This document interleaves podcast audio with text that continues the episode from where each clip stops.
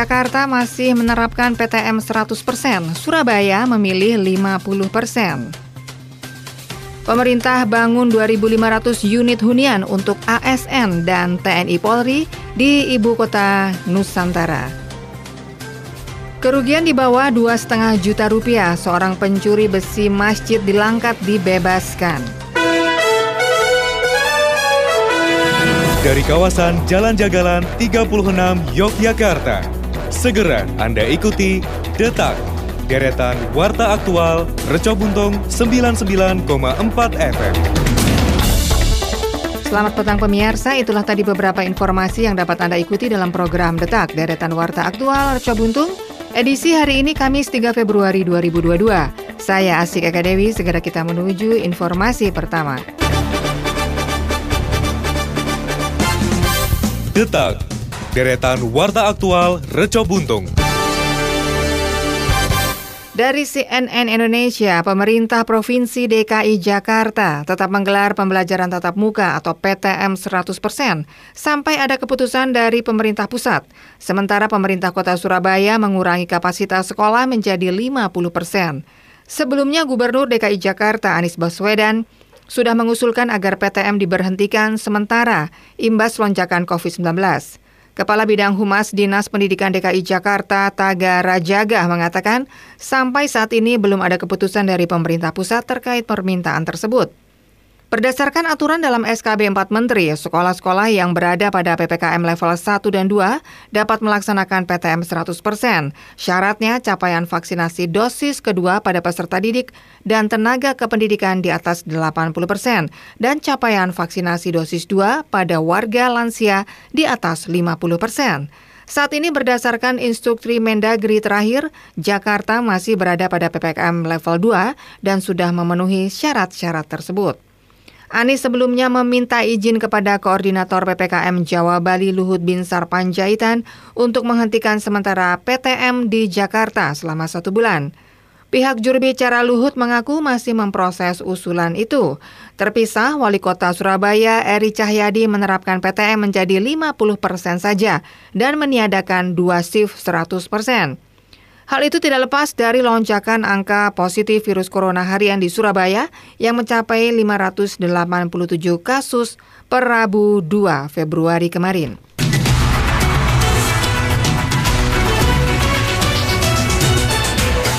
Pemirsa pemerintah bakal membangun hunian untuk pemindahan aparatur sipil negara ASN dan anggota TNI Polri di kawasan ibu kota negara di Kalimantan Timur. Untuk tahap awal, pemerintah akan membangun 2.500 unit hunian. Deputi Satu Kepala Staf Kepresidenan Febri Calvin Tete Lepta mengatakan pembangunan hunian itu dilakukan Kementerian Pekerjaan Umum dan Perumahan Rakyat atau PUPR. Febri menjelaskan jumlah hunian yang disiapkan oleh PUPR memang belum sebanyak jumlah ASN dan anggota TNI Polri yang akan dipindahkan ke kawasan ibu kota negara.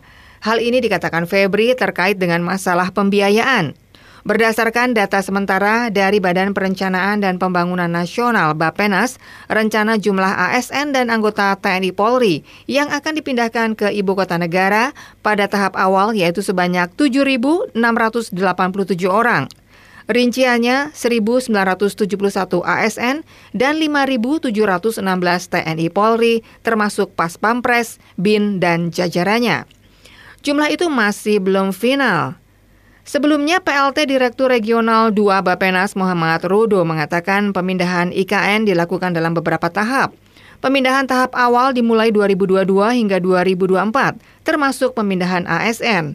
Ia mengatakan pemindahan ASN ini dilakukan secara bertahap. Pasalnya tidak mungkin seluruh ASN dipindahkan dari Jakarta ke ibu kota negara Nusantara secara langsung.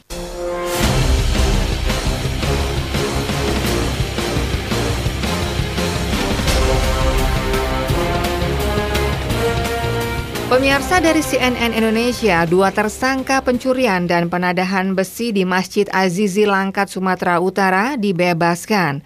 Pasalnya, Kejaksaan Negeri Langkat menghentikan penuntutan perkara kedua tersangka dengan keadilan restoratif atau restoratif justice. Kedua tersangka yaitu Adrian Syahputra alias Putra dijerat dengan pasal 480 ayat 1 KUH Pidana dan Rizal Afandi dijerat dengan pasal 362 KUH Pidana. Peristiwa pencurian itu terjadi pada 9 Desember 2021.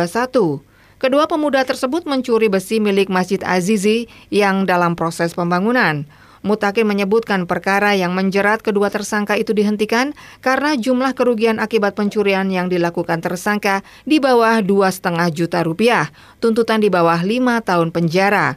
Baru pertama kali melakukan aksi pencurian dan ada perdamaian antara tersangka dengan korban. Penerapan restoratif justice ini tentu ada aturannya dan tidak semua kasus bisa dihentikan penuntutannya. Yang paling penting adalah adanya perdamaian antara tersangka dan korban sehingga kejadian serupa tidak akan terulang kembali. Kepada tersangka dan pihak keluarga juga diingatkan bahwa ini adalah dilakukan sebagai bentuk peringatan agar ke depan tidak mengulanginya lagi. Dan jika nanti kembali melakukan hal yang sama, akan diproses secara hukum dan dituntut dengan hukuman yang lebih berat. Mutakin menambahkan terhadap kedua tersangka yang dilakukan penghentian penuntutannya dipakaikan kemeja putih. Ini dimaksudkan sebagai pengingat untuk mereka berdua.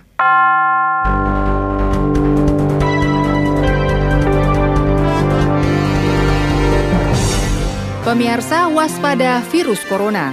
Penularan dari manusia ke manusia lewat cairan, batuk, bersin, dan berjabat tangan. Virus ditularkan jika Anda menyentuh cairan orang terinfeksi, lalu menyentuh area mata, hidung, mulut. Gejala-gejala yang perlu diperhatikan: batuk, pilek, sakit tenggorokan, demam, sakit kepala, dan sesak nafas. Hotline Kemenkes terkait virus corona di 021 5210 411 atau 081 2121 23119.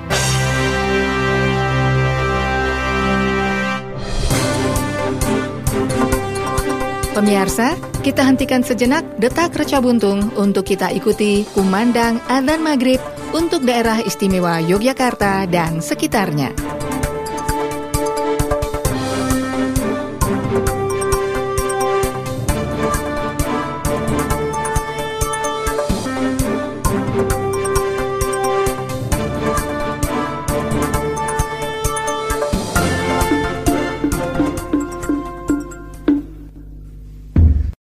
الله أكبر.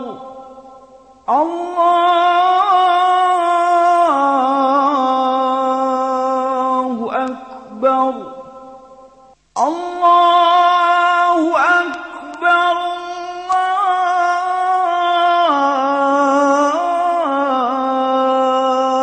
الله أكبر. أشهد أن لا إلا الله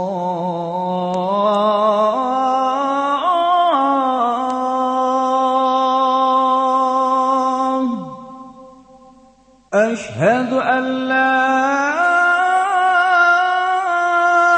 إله إلا الله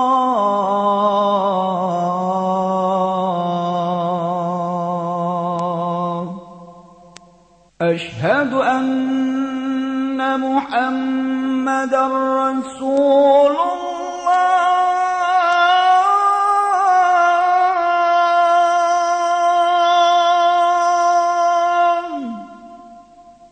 أشهد أن محمدا رسول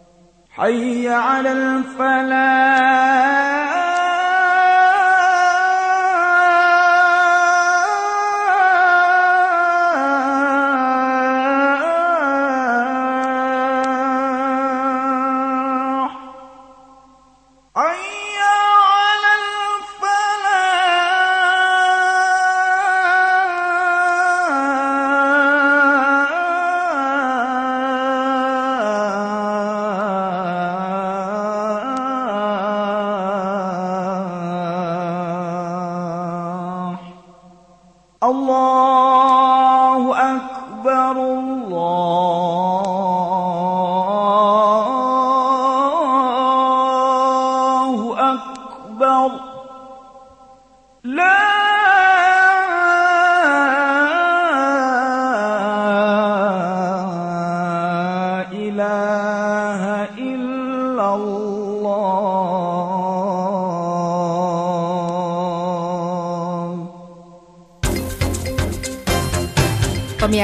kembali Anda ikuti Detak, deretan Warta Aktual Reca Buntung. Detak, deretan warta aktual Reco Buntung.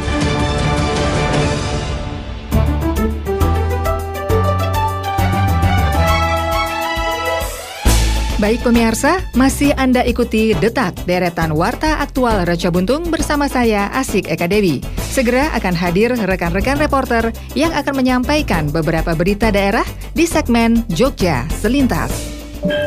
Baik, terima kasih rekan Asik Eka Dewi. Pemirsa Jogja Selintas kami awali dari Sleman. Hujan deras disertai angin kencang yang melanda wilayah Kabupaten Sleman pada Rabu 2 Februari kemarin mengakibatkan belasan pohon tumbang. Pohon yang tumbang tersebut sebagian menimpa rumah warga. Akibatnya terdapat 13 rumah warga di dua Kapanewon dilaporkan rusak. Kepala Pelaksana BPBD Sleman Makoan mengungkapkan, dampak kejadian akibat hujan disertai angin kencang terjadi di dua Kapanewon, yakni Kapanewon Seyegan dan juga Berbah. Antara lain di Kalurahan Margolueh, pohon tumbang di Padukuhan Barak Satum yang menimpa dua rumah. Kemudian di Klinyo, ketepatnya di RT 4 RW 2 dan RT 1 Margoluwe juga terdapat 4 pohon tumbang yang menimpa 4 rumah. Kemudian di Kelangkapan Margoluwe, pohon jati tumbang menimpa rumah. Kejadian tersebut menyebabkan rumah warga rusak ringan. Selain menimpa rumah, pohon tumbang di Seigan juga menimpa jaringan listrik yang melintang di jalan dan merusak kebun anggrek warga. Di Kapanewon Berbah, hujan deras disertai angin kencang menyebabkan empat rumah warga di Kadipolo, Sendang Tirto rusak akibat tertimpa pohon tumbang. Selain rumah, kencangnya angin juga menyebabkan bangunan joglo di Kadipolo roboh. BPBD Sleman bersama para relawan kebencanaan disebutkan telah melakukan upaya penanganan dampak kejadian, di antaranya membersihkan material bangunan yang rusak, memotong pohon tumbang, dan mendistribusikan bantuan. Beralih ke Kulon Progo, pemirsa jumlah pasien COVID-19 dari klaster pernikahan di Karangsari, Kapanewon Pengasih, Kabupaten Kulon Progo bertambah 15 kasus dari hasil swab PCR sehingga total menjadi 28 kasus. Dijelaskan oleh Banding Rahayu Jati, juru bicara penanganan COVID-19 Kabupaten Kulon Progo saat konferensi pers dengan awak media melalui Zoom meeting pada Rabu kemarin. Kendati demikian, seluruh pasien COVID-19 tersebut tidak dirawat di rumah sakit, melainkan menjalani isolasi mandiri di rumah masing-masing dikarenakan gejalanya yang tergolong ringan. Dengan semakin masifnya tingkat penularan tersebut, Satgas COVID-19 masih akan melakukan pemeriksaan lanjutan terhadap kontak erat lainnya. Pada Rabu kemarin, tracing juga telah dilakukan terhadap 20 orang yang memiliki riwayat kontak erat. Dengan adanya klaster pernikahan ini, Banding berharap kepada masyarakat agar lebih waspada sebab masih adanya penyebaran COVID-19. Masyarakat juga diharapkan lebih berhati-hati apabila terdapat anggota keluarga yang memiliki riwayat penyakit komorbid atau penyakit penyerta, sebab bila menularkan akan membahayakan bagi diri mereka yang berkomorbid. Diberitakan sebelumnya pemirsa awal kemunculan klaster pernikahan terjadi pada 28 Januari lalu. Setidaknya terdapat 13 orang yang terpapar COVID-19. Diduga penularan dari klaster pernikahan ini bersumber dari keluarga rombongan pengantin pria yang berasal dari Bogor, Jawa Barat. Kemudian menularkan ke pengantin wanita di Karangsari dan keluarga besar lainnya di Sendang Sari dan Margosari di Kabupaten Kulon Progo. Bahkan adanya seorang pejabat di lingkungan pemerintah Kabupaten Kulon Progo yang juga ikut tertular karena memiliki kontak erat dengan keluarga pengantin. Demikian pemirsa informasi dari Sleman dan Kulon Progo, sumber berita dari tribunjogja.com. Kita beralih ke berita dari kota Yogyakarta yang akan dibawakan oleh rekan dari Pradita. Silakan dari. Baik, terima kasih Maida Mara. Pendengar Indeks Pembangunan Manusia atau IPM tahun 2021 di Kota Yogyakarta mencapai level tinggi di Indonesia yakni 87,18. Sebelumnya di tahun 2020 capaian IPM sebesar 86,61. Menurut Wakil Wali Kota Yogyakarta, kenaikan ini tidak terlepas dari kolaborasi antara UPD sehingga mendapatkan capaian indikator yang lebih tinggi. Namun demikian, Pemkot Yogyakarta masih memiliki tantangan di tahun 2022 yakni pemulihan ekonomi akibat COVID-19. Wakil Wali Kota Yogyakarta Heru Purwadi juga berharap tingginya IPM di Kota Yogyakarta tidak membuat terlena, justru menjadikan kinerja lebih ditingkatkan lagi. Heru Purwadi menambahkan berdasarkan data Susenas periode Maret 2021, angka kemiskinan kota Yogyakarta mencapai 7,69 persen. Nilai ini naik 0,42 persen dibandingkan tahun 2020. Pihaknya juga menyatakan pemulihan ekonomi masih berlanjut pada tahun 2022 dan kesuksesan capaian vaksin menjadi salah satu kunci utama pemulihan ekonomi. Selain itu, pariwisata berbasis budaya juga masih akan menjadi kunci dari sektor pertumbuhan ekonomi pada tahun 2022. Untuk itu, Wakil Wali Kota juga meminta kesiapan seluruh stakeholder dalam menyambut wisatawan untuk terus ditingkatkan. Pengembangan pariwisata berbasis budaya di wilayah akan menjadi kunci pengurangan ketimpangan pendapatan. Selain itu, Wakil Wali Kota Yogyakarta juga menyatakan masih banyak PR dalam meningkatkan pembangunan di kota Yogyakarta. Untuk itu, perlu perhatian lebih terhadap pencegahan COVID-19 dengan memperketat prokes dalam kegiatan yang dilakukan. Pendengar bela negara sangat penting khususnya bagi para milenial atau pelajar SMA.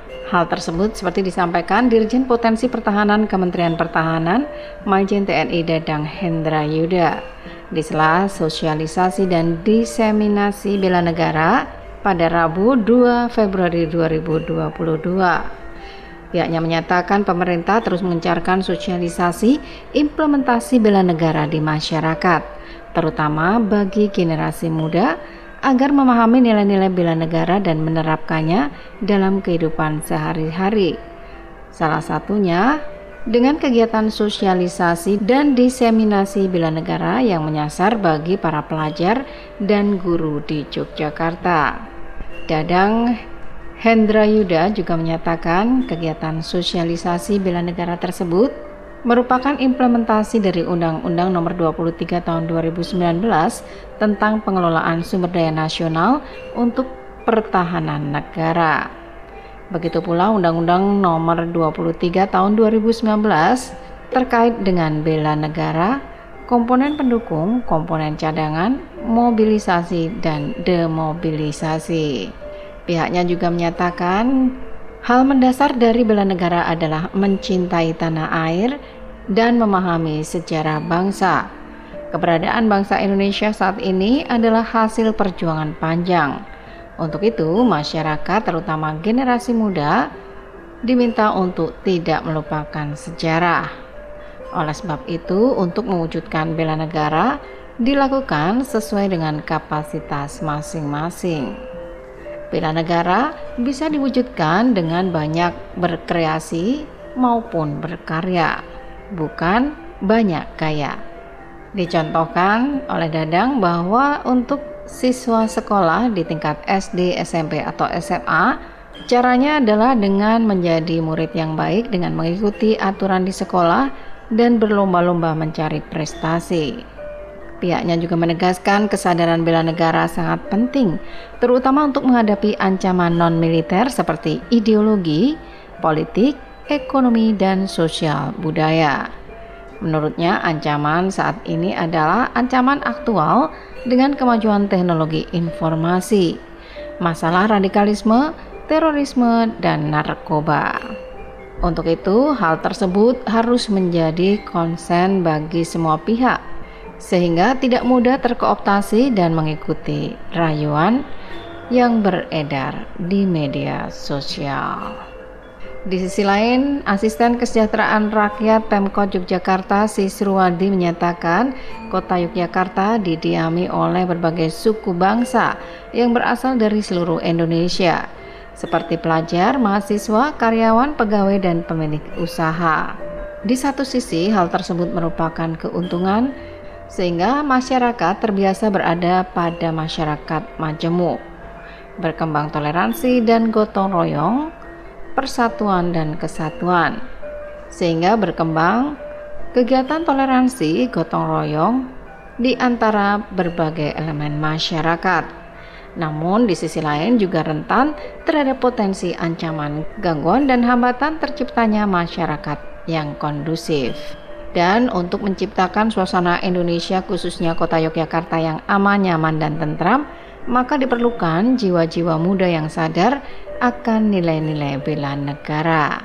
Karena ketahanan daerah merupakan salah satu potensi pendukung ketahanan nasional.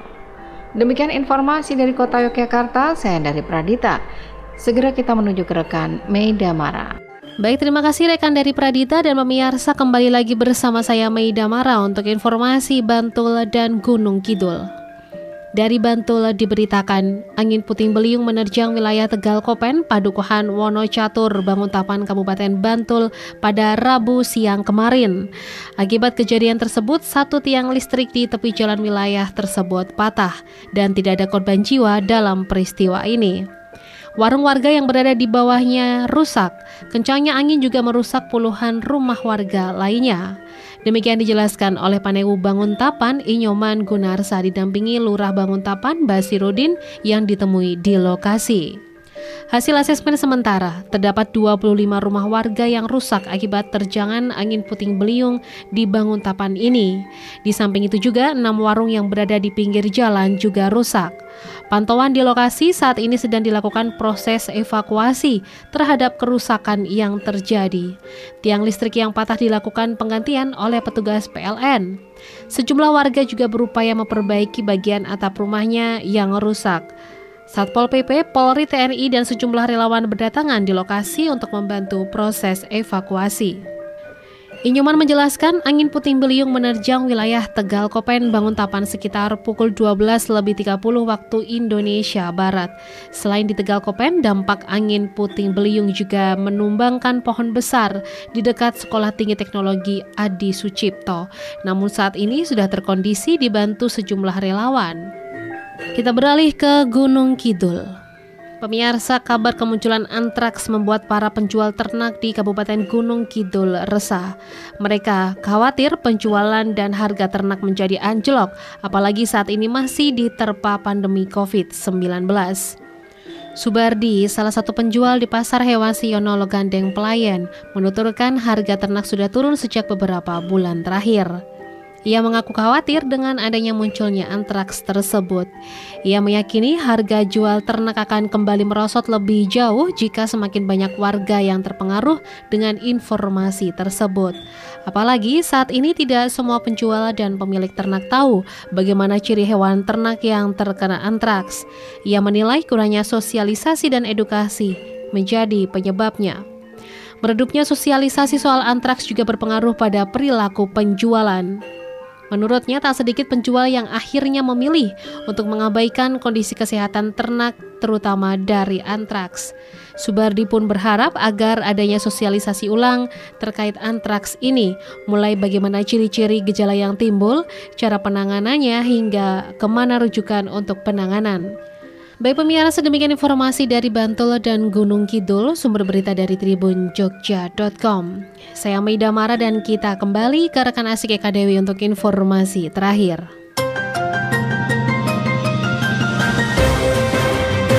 Terima kasih untuk rekan-rekan reporter yang sudah mengabarkan informasi di segmen Jogja Selintas. Dan pemirsa, sekarang kita sampai ke informasi yang terakhir.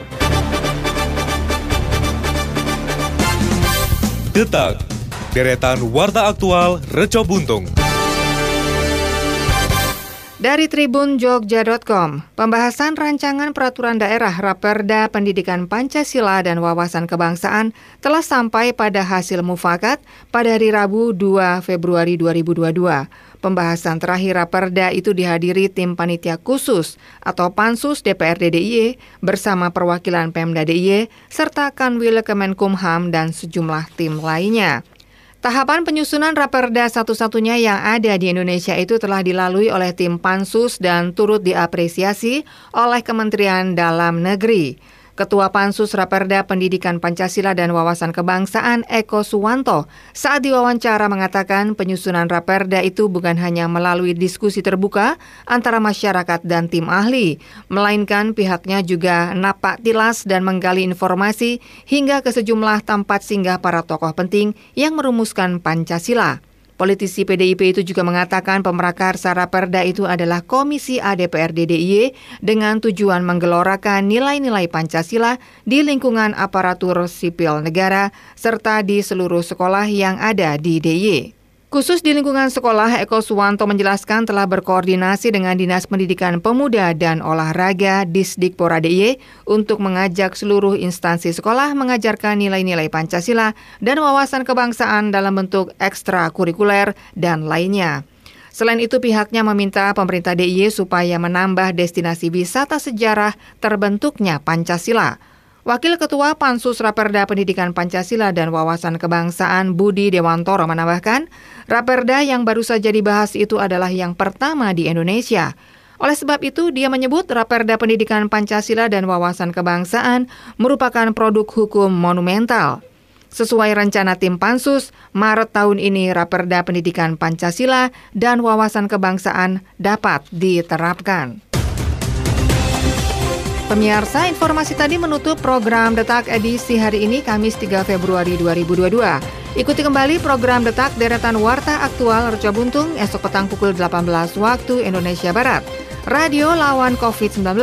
Jangan lupa cuci tangan pakai sabun, jaga jarak, jangan berkerumun, gunakan masker, dan lebih baik di rumah saja.